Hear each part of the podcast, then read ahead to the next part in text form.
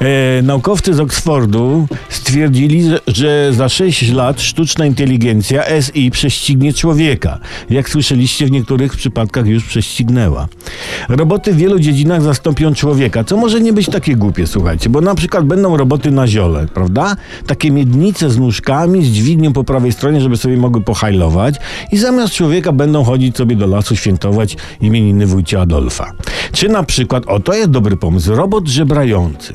Będzie miał kształt kozy, znaczy takiego piecyka, nie? Taki pobijany celowo, trochę sztucznej rdzy, wysuwane pudełko tekturowe na korpusie na tekturce, taki napis mam chorą córkę. Przy, przydał, przydałby się też, yy, fina, przydałyby się też może finansowane przez państwo roboty dające robotom żebrającym. Po 500 na przykład.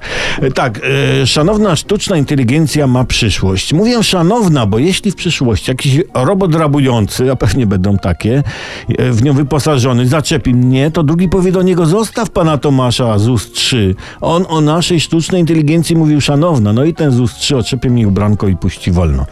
I jeszcze jedno, sztuczna inteligencja ma rozpoznawać i likwidować zagrożenia dla człowieka, tak czytałem. I jak sztuczna nam się przyjrzy, to pierwsze co zrobi, słuchajcie, zlikwiduje Facebooka i inne Instagramy i ludzkość nie będzie wiedziała, co ze sobą zrobić, co grozi globalną wolną, wojną.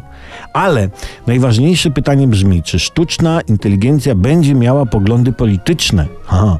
Jeśli tak, to taka nieśmiała sugestia, żeby może zarzucić pracę nad nią, co?